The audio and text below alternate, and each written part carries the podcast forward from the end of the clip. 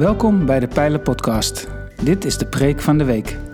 Luister naar de Bijbelse boodschap die verkondigd is. We hopen dat je groeit in kennis en liefde voor Jezus Christus.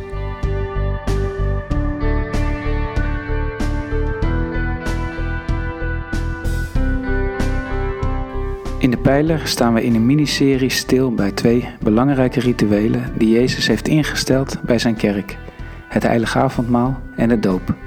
Ze worden ook wel de sacramenten genoemd. Wat zit er achter die symbolische handelingen? En wat kan dat betekenen voor jouw leven?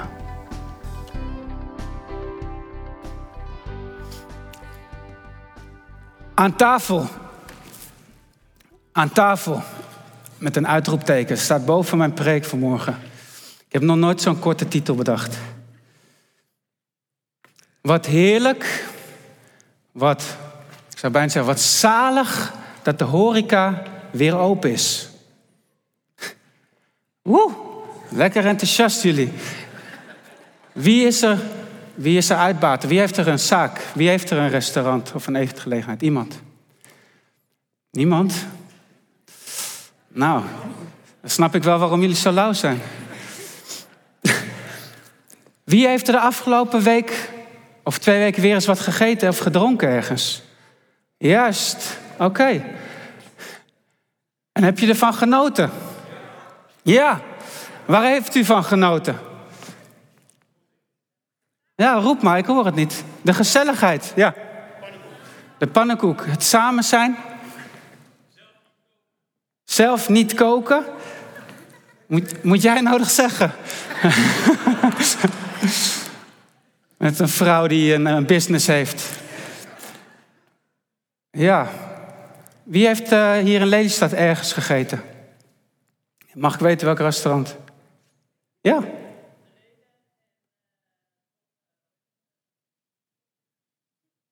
De reden. En nog een andere, ja. Kanaya, ja. En wat sprak je aan, Gerda, bij uh, de reden? Waar heb je echt van genoten?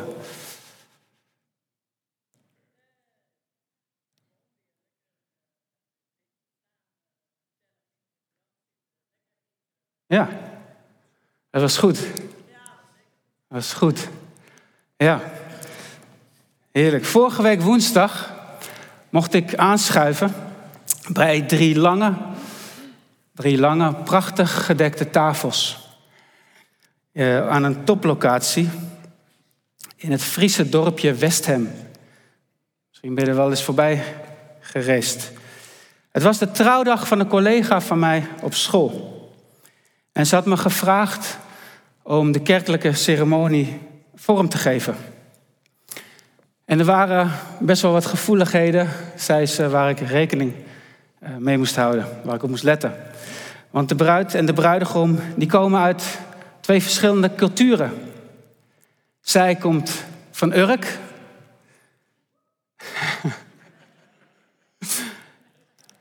en hij komt uit Friesland. En het trouwfeest was precies drie jaar na hun eerste date. Maar die datum die viel samen met de biddag voor visserij op Urk. En jij weet wat voor gevoeligheden daar liggen. Het is een dag met vaste tradities. Het openbare leven ligt plat. Er wordt geen vis net uitgeworpen. Er vaart geen boot die haven in of uit. Je wordt twee keer per dag in de kerk verwacht, s ochtends en s middags. En zeker niet op een of andere vijf in Westham. Um, het geloof van die twee families liep ook niet helemaal synchroon. Maar die middag knielde bruid en bruidegom neer voor Jezus. Zij vanuit overgave en hij vanuit respect voor het geloof van zijn vrouw. En toen de ceremonie voorbij was, ging iedereen aan tafel. Aan tafel. En de sfeer die werd gelijk ontspanner en losser. De feestvreugde werd groter. Als je aan tafel zit, en je hebt het ook net gezegd, Gerda, dat is fijn. Dan ontmoet je anderen, dan kun je anderen ontmoeten. Dan kun je dichter tot elkaar komen. Hoe groot de verschillen tussen mensen ook zijn. Aan tafel kom je dichter bij elkaar. Nou, ik had een groot stuk taart gekregen en toen uh, droop ik af. Maar het feest duurde tot in de late uurtjes. De kerk, lieve mensen, is een tafelgemeenschap. De kerk is een tafelgemeenschap. Heeft u daar wel eens over nagedacht?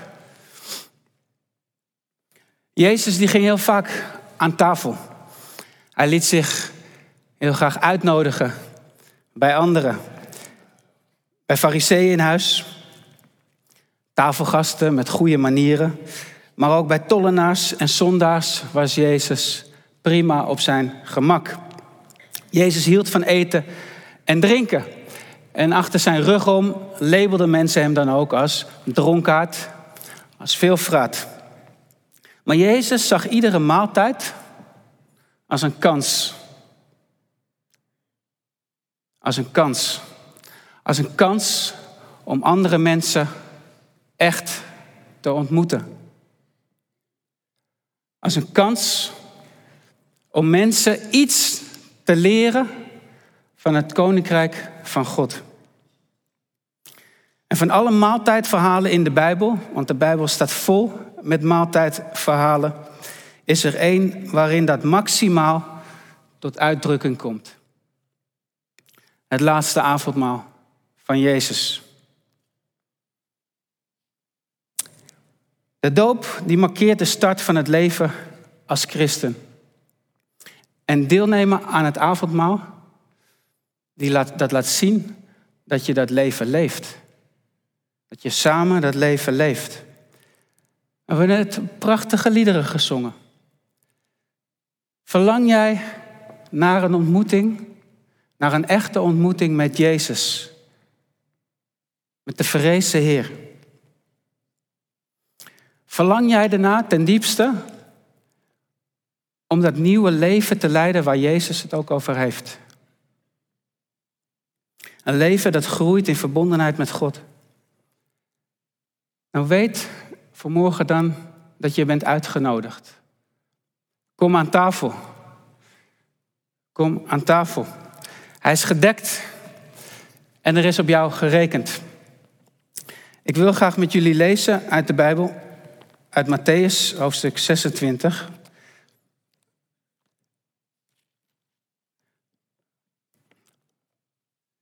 Dus dan wil ik de versen 17 tot en met 30 lezen.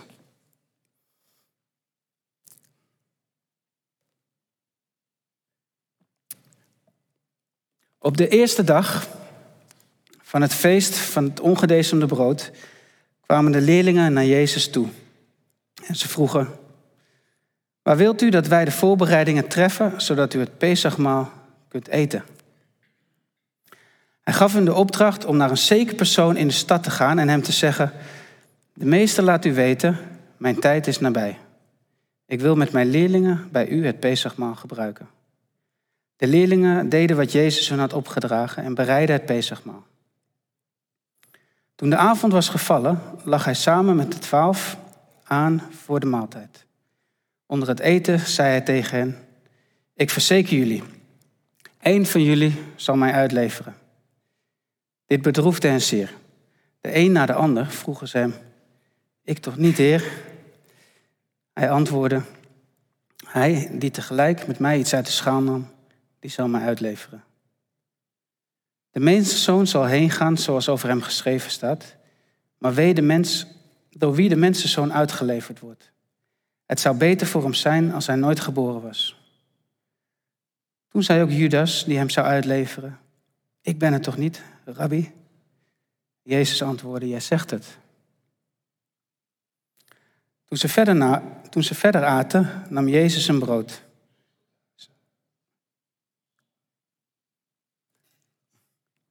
Toen ze verder aten, nam Jezus een brood. Sprak het zegengebed uit, brak het brood en gaf de leerlingen ervan met de woorden: Neem, eet. Dit is mijn lichaam. En hij nam een beker, sprak het dankgebed uit en gaf hun de beker met de woorden: Drink allen hieruit. Dit is mijn bloed, het bloed van het verbond, dat voor velen wordt vergoten tot vergeving van zonde. Ik zeg jullie, vanaf nu zal ik niet meer van de vrucht van de wijnstok drinken, tot de dag dat ik er met jullie opnieuw van zal drinken in het koninkrijk van mijn vader. Nadat ze de lofzang hadden gezongen, vertrokken ze naar de Olijfberg. Lieve mensen, u heeft het woord van God gehoord. De woorden van Jezus Christus zelf. Jezus, ik zei het al, hij was vaak de gast bij anderen. Bij feestjes en maaltijden. Hij schoof aan bij wat anderen georganiseerd hadden. Maar bij het laatste avondmaal, zoals we net hebben gelezen, is dat anders. Het is gelijk duidelijk dat de regie van die gebeurtenis volledig in zijn eigen handen is. En het begint al bij zijn keuze om juist op dat moment met zijn vrienden te gaan eten. Zonder anderen erbij. Alleen Jezus en de twaalf. Op de kalender is het namelijk een belangrijke dag die is aangebroken. Het feest van het ongedecemde brood wordt gevierd. En het is, zoals de meesten van jullie wel weten, een nationaal bevrijdingsfeest. Een week lang staat iedereen erbij stil hoe hun voorouders uit de slavernij van Egypte zijn bevrijd. En Jezus als Jood, die kent zijn geschiedenisboeken. Maar hij weet ook welke toekomst voor hemzelf in de dagen die zullen volgen is weggelegd. Het is dus geen toeval dat hij tijdens dit feest, dat hij rijk is aan allerlei symbolen, aan tafel gaat met zijn twaalf vrienden. Met nieuwe woorden en rituelen zal Jezus de betekenis van dit feest niet alleen verdiepen, maar hij zal het ook verbreden. De vrijheid die Jezus voor ogen heeft, die gaat betekenis krijgen voor alle volken. Die eerste dag van de feestweek die kent vaste tradities. De avondmaaltijd is het belangrijkste. En een paar vrienden van Jezus die willen gelijk aan de slag, die willen de keuken in. Maar waar? Maar Jezus heeft het geregeld. Jezus heeft het geregeld. Hij stuurt Petrus en Johannes Jeruzalem in. En dan komen ze iemand tegen die een groot, een heel groot gastenverblijf heeft.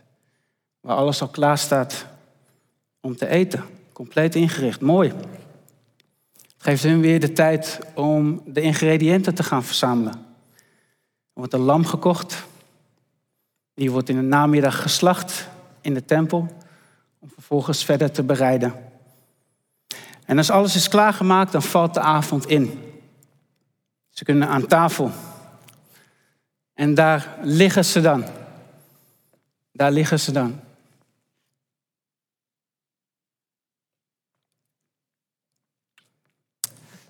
Lichtbanken, misschien heb je dat wel eens gezien in zo'n film of op zo'n plaatje. Lichtbanken in een, in een U-vorm, aan een lage tafel, alle gerechten erop. Het is een unieke avond. En normaal gesproken zou iedere Jood dit thuis, deze maaltijd, dit Pesachmaal, vieren met zijn gezin, met zijn of haar gezin. Met de vader als hoofd maar de discipelen, die zijn niet thuis. Jezus is de gastheer en hij laat zien wat hij al eens eerder had gezegd. Ieder die de wil van mijn vader in de hemel doet, die is mijn broer. Die is mijn zus. Die is mijn moeder. En er ontstaat in het gastenvertrek een soort nieuwe tafelgemeenschap. De sfeer, die is overigens verre van los, van ontspannen. Want de spanning die hangt voelbaar in de lucht. Jezus die sprak de laatste dagen steeds vaker over zijn lijden, over zijn lijden. En hij werd steeds explicieter. Hij had het over een kruisiging. Hij had het over mijn lichaam voorbereiden op het graf. Dus de sfeer is niet geweldig. En die verslechtert, want een van zijn vrienden die zal hem verraden. En ze worden allemaal diep bedroefd. En de een na de ander die wil weten wie het is. Ik toch niet, Heer? Ik toch niet. En ook Judas vraagt Jezus: Ik ben het toch niet, Rabbi? Hij is de enige die Jezus niet aanspreekt met de titel Heer. Dat is een titel voor mensen, voor, voor mensen die gewaardeerd worden, mensen met gezag. Zo heeft Judas Jezus nooit aangesproken in de evangelie. Dus ze gaan verder met de maaltijd. Totdat Jezus het brood breekt en de legendarische woorden spreekt.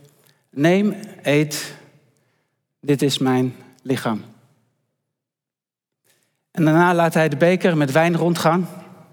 En dan zegt hij, drink allen hieruit. Dit is mijn bloed, het bloed van het verbond, dat voor velen, vergoot, dat voor velen wordt vergoten tot vergeving van zonde. Op deze unieke avond openbaart Jezus aan de twaalf wie hij is en waarom hij is geboren. En voor christenen, voor jou, voor u, voor mij in deze tijd, zijn het hele bekende woorden. Overbekend, misschien wel. Zelfs als je niet in de kerk komt of niet zo vaak, dan herken je ze misschien wel.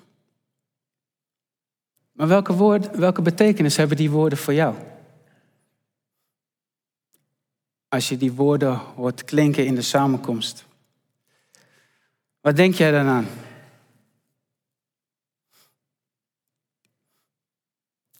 Of zijn ze misschien zo bekend voor jou dat het nog lastig is om erdoor aangeraakt te worden, om het iets los te maken bij jou? Nou, bij de discipelen gaan er allerlei gedachten door hun hoofd. En ook al zegt Matthäus er niets van in zijn verslag, reken er maar op dat de woorden van Jezus wat bij ze losmaakt. Jezus die gebruikt offertaal. En Joodse oren zullen gelijk denken aan Exodus 24 of Jesaja 53. Passages waar God grote dingen doet in relatie tot zijn volk. Waar woorden klinken over het verbond. Over het vergieten van bloed. Over vergeving van zonde door plaatsvervangend sterven. En door Jezus' timing met Pesach krijgen zijn woorden een extra lading bij zijn vrienden. Hier wordt iets nieuws in gang gezet. En Jezus die schaft het Pesachmaal niet af. Die blijft gewoon bestaan met haar eigen rijke waarde. Maar hij heeft die maaltijd wel gebruikt met alle symbolische kracht en gelaagdheid om zijn vrienden, om zijn volgelingen spiritueel te versterken. Nou, waaruit blijkt dat dan? Uit een klein zinnetje dat Lucas heeft toegevoegd in zijn verslag over het laatste avondmaal. Namelijk dat Jezus zegt, doe dit telkens opnieuw om mij te gedenken. En de Bijbelse manier van gedenken, lieve mensen, dat betekent niet simpelweg jezelf verplaatsen naar het verleden. Het is eerder andersom. Het gaat erom dat je het verleden ervaart in het heden, in het hier en nu. Wanneer Gods gemeente bijvoorbeeld het brood breekt en de wijn drinkt. En wanneer je dat vanuit geloof en met aandacht doet, dan kan het enorm geestverruimend zijn. Dat kan enorm geestverruimend zijn. Nou, er zijn zeker vier zaken die door het avondmaal van Jezus worden gesymboliseerd en bevestigd. En ik wil ze alle vier even kort langslopen. Sommige van jullie maken aantekeningen. Kan een hele goede manier zijn om soms nog eens over dingen na te denken. Ten eerste, het breken van het brood en het uitgieten van de wijn symboliseert de dood van Jezus Christus. Jezus is mishandeld en vernederd. Zijn bloed vloeide uit hem weg. Het begon al in de rechtbank, in het Sanhedrin. En het eindigde buiten de stad aan het kruis. Het breken van het brood, het uitgieten van de wijn symboliseert de dood van Jezus. Ten tweede, in je deelname aan de maaltijd wordt zichtbaar dat jij mag delen in de zegeningen die zijn dood tot stand hebben gebracht, tot stand heeft gebracht. Wat, zijn, wat hij tot stand heeft gebracht, dat verheerlijkt God in de eerste plaats. Maar het is ook voor het welzijn van gewone mensen zoals jij en ik hier vanmorgen aanwezig zijn. Het avondmaal is wat dat betreft geen afstandelijk ritueel. Ten derde, het avondmaal versterkt de spiritualiteit van een christen. Jouw spiritualiteit, jouw geestelijk leven. Zoals gewone voeding je lichaam versterkt. Ik had het nodig vanmorgen toen ik opstond. Drie broodjes gegeten, koffie en thee erbij. Zoals het gewone voedsel jouw lichaam versterkt, zo geven brood en wijn tijdens het avondmaal geestelijke kracht. En dat wil ik straks nog iets concreter uitwerken. En ten vierde, het laatste. Het avondmaal drukt de eenheid uit van mensen die Jezus volgen. Het drukt de eenheid uit van mensen die Jezus volgen. De twaalf discipelen, die waren heel verschillend hoor. Heb je daar wel eens over nagedacht? Die avond in het gastenverblijf lagen ze met z'n allen aan tafel en er lag Simon, Simon de Celoot, een vrijheidsstrijder, fanatiek, die, eh, nou, dat vul ik in, maar die waarschijnlijk een haat koesterde tegen de onderdrukking van de Romeinen. En ergens anders aan die tafel lag Levi. Een belastingambtenaar. Joodse belastingambtenaar. Overgelopen naar de Romeinen. Jezus wist donders goed wie hij uitkoos. Toen hij die twaalf leerlingen bij zich riep. Samen avondmaal vieren verbreekt grenzen die door mensen zijn gemaakt.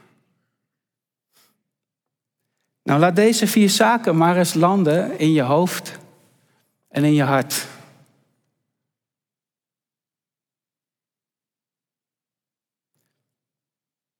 De maaltijd van Jezus die wordt dan een bron van vreugde en dankbaarheid.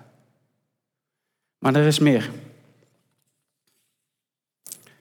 Er is meer rijkdom te vinden in de maaltijd die Jezus heeft ingesteld voor zijn kerk. En dat heeft te maken met het derde punt wat ik al noemde.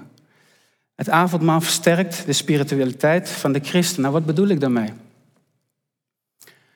Nou, door deel te nemen aan het avondmaal wordt het leven vanuit geloof meer levendig. Niet zozeer omdat jij of ik zo'n groot vermogen hebben tot inbeeldingskracht. Gelukkig hangt het daar niet vanaf. Maar omdat Jezus zelf heeft beloofd om aanwezig te zijn. In het lichaam. De kerk. Waar twee of drie mensen in mijn naam samen zijn, daar ben ik in hun midden.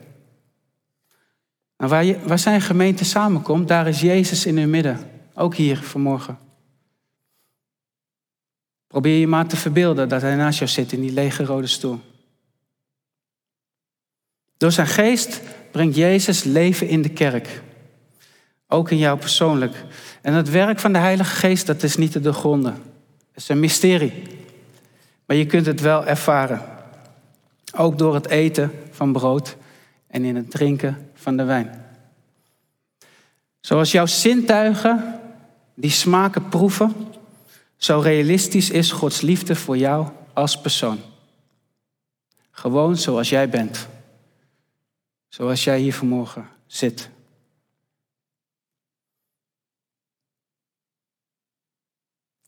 Sta daar maar eens bij stil. Hoe bijzonder dat is. Weet je, in de 16e eeuw was er een enorme opwekking gaande. We hebben er net een lied van gezongen.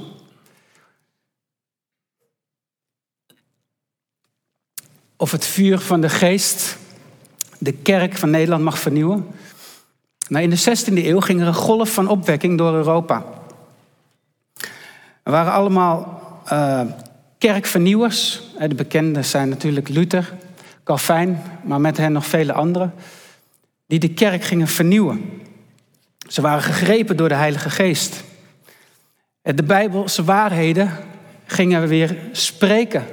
Die lichten op uit het woord van God. Het werd vertaald in allerlei talen.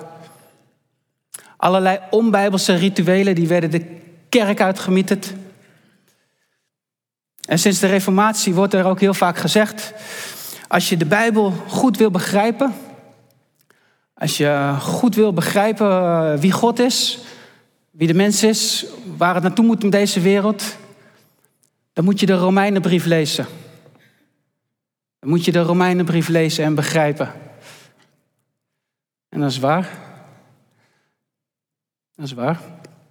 Weet je welk Bijbelboek voor die tijd, eeuwenlang, uh, welk boek gold als van de sleutel? Heeft u enig idee? Als je dat boek leest, dan begrijp je het. Wat het betekent om een christen te zijn. Roep maar. Ik kan u niet verstaan. Nee, niet Johannes, niet Jesaja. Het hooglied. Het hooglied uit de Hebreeuwse Bijbel. Een gedicht waarin de liefde wordt bezongen tussen een jongen en een meisje. Die stapelgek zijn op elkaar en die met elkaar gaan trouwen. En alle zintuigen, die tellen mee in dat gedicht. En dat is precies wat God voor ogen heeft met heel zijn schepping. In het bijzonder, zeg ik het nog een keer, ook met jou en met mij. Tijdens de ceremonie in het Friese Westham heb ik dat ook gezegd. Het huwelijk tussen een man en een vrouw weerspiegelt de relatie die God aangaat met mensen. En verlang jij naar dat nieuwe leven? Verlang jij daarnaar om zo te leven als geliefde van Jezus? Als geliefde van Jezus. Nou, als we eerlijk durven zijn, dan valt het in de praktijk vaak vies tegen om dat vorm te geven. Er is te veel verschil, zo wordt het in ieder geval door velen ervaren, tussen de zondagochtend en de maandagmiddag. Dan hebben we het niet over de woensdag of de zaterdagavond. Christen zijn blijft voor velen steken bij het doen van de juiste dingen. Dat is een belangrijke zin. Christen zijn blijft voor velen steken bij het doen van de juiste dingen. Dagelijks je Bijbel lezen. Teksten memoriseren. Bidden voor andere mensen.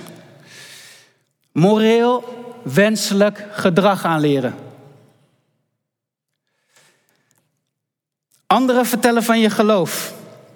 De kerk bezoeken of de stream opstarten. Je bijdrage leveren. De juiste geloofsbeleidenis onderschrijven en beamen. En voor de diehards, ik ben bij negen, voor de diehards, ga een keer met World Servants naar Afrika en bouw daar een school op uit de grond. Yes. Ja? We praten over onze persoonlijke relatie met God. Maar ondertussen werk je jezelf over de kop voor Jezus Christus. En zo gaat het vaak. In het ergste geval verlaat je opgebrand en gefrustreerd de kerk. Ja, herken je dat, of niet? Die focus op de juiste dingen doen.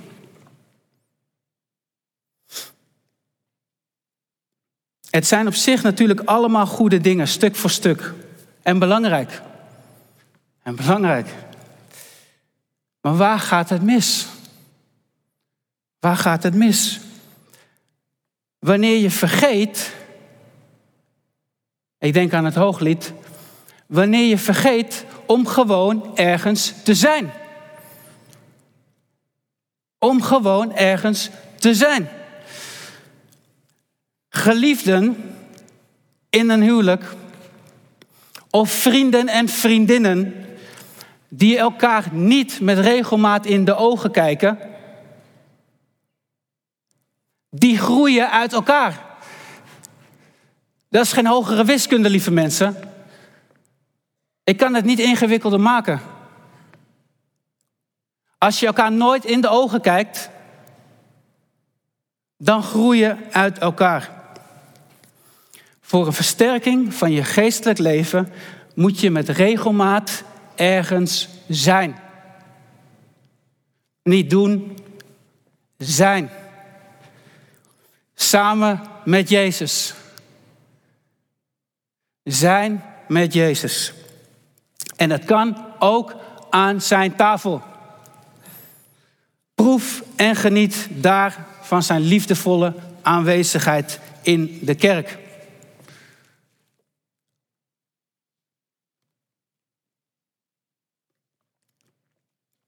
Niet alleen Jezus werd bekritiseerd om zijn liefde voor goed eten en lekker drinken. Niet alleen Jezus. Zijn leerlingen net zo. De fariseeën en schriftgeleerden, die spraken Jezus daar een keer over aan. En ze zeiden tegen hem, moet je horen. De leerlingen van Johannes, die vasten dikwijls. En die zeggen hun gebeden. Zoals ook de leerlingen van de fariseeën doen. Maar, en dan komt het, maar die van u eten en drinken maar.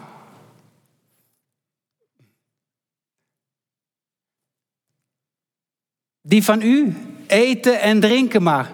Wat een heerlijke kritiek. Die van u eten en drinken maar. Prachtig. Prachtig. Een prachtige typering van de kerk. Als tafelgemeenschap. De kerk is een tafelgemeenschap. Weet je, de horeca is gelukkig weer open. Ja, de horeca is gelukkig weer open. Maar de tafel van Jezus, die is nooit gesloten geweest. Hij is gedekt met brood en het sap van de druif en weet dat je welkom bent om aan te schuiven. Geniet van zijn gezelschap.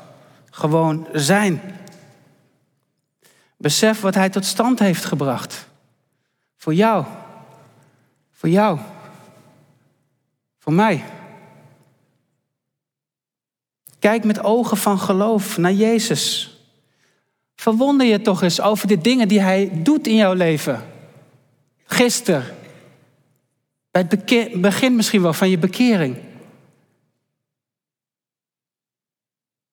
Verwonder je. Het gaat het beste met andere christenen samen. Bemoedig elkaar in het leven vanuit geloof. En misschien, misschien voel je wel voel je wel ellendig of voel, eh, denk je van, nou, ik ben het niet waard om uh, daarvan te nemen. Afgelopen periode was er een schuldbeleidnis, nationale schuldbeleidnis van een directeur. Kranten stonden ervoor van. En één zinnetje die hij vrij had gegeven, hij zei, ik schaam me kapot. Ik schaam me kapot. Ik ben blij voor die man, even los van alle narigheid eromheen. Dat hij tot dat inzicht is gekomen. Dat zou mogelijkheden kunnen bieden om aan te schuiven bij de tafel van Jezus. Als je je kapot schaamt, joh, dan moet je juist bij Jezus aan tafel gaan. De opdracht van Jezus om aan tafel te gaan, die wijst ook vooruit. Ik sluit het af. Natuurlijk al met zijn eigen uitspraak in vers 29. Als hij iets zegt over zichzelf, dat hij niet meer van de beker zal drinken. Maar al in de Bijbel, in de Hebreeuwse Bijbel, staan prachtige visioenen van een feestmaal op de Sionsberg. Uit alle volken zullen daar mensen proeven en genieten van Gods goedheid. En ook het Nieuwe Testament geeft schitterende visioenen van die toekomst. Dat de wereld vol zal zijn van Gods heerlijkheid en glorie. Openbaring, het laatste boek uit de Bijbel, spreekt zelfs over de meest ultieme bruiloft. De meest ultieme bruiloft. En Jezus die keek enorm uit naar dat moment. Die was daarmee bezig. En het gaf hem de kracht om uiteindelijk ook dat gastenvertrek te verlaten. Richting de Olijfberg. Richting de donkere nacht. De donkere nacht van zijn ziel. Als Jezus daardoor werd gesterkt door dat beeld, wij des te meer. Gelukkig zijn zij die voor dat feest zijn uitgenodigd. Jij bent uitgenodigd. U bent uitgenodigd. Ook als je kijkt via de stream, jij bent uitgenodigd. Vandaag zegt Jezus tegen jou: Kom aan mijn tafel. Kom aan mijn tafel. Kom en geniet van de goedheid van de Heer. Amen. Wanneer je straks deelneemt, voornemens bent om deel te nemen aan het avondmaal, bid dan het gebed met mij mee. Ik wil graag met jullie bidden. We hebben u nodig. En we vertrouwen u, Heer Jezus, om onze zonde te vergeven, zodat nieuw leven vorm krijgt in ons, in mij. Wat geweldig dat ik een dochter of een zoon van God mag zijn door uw liefde. We danken u voor deze vrijheid. We danken u, Heer, dat de heersende macht van de zonde het niet langer voor het zeggen heeft. Dat Egypte achter ons ligt. Door uw verbroken lichaam en uw gevloeide bloed. Geef onze ziel nieuwe kracht, Heer Jezus. Halleluja.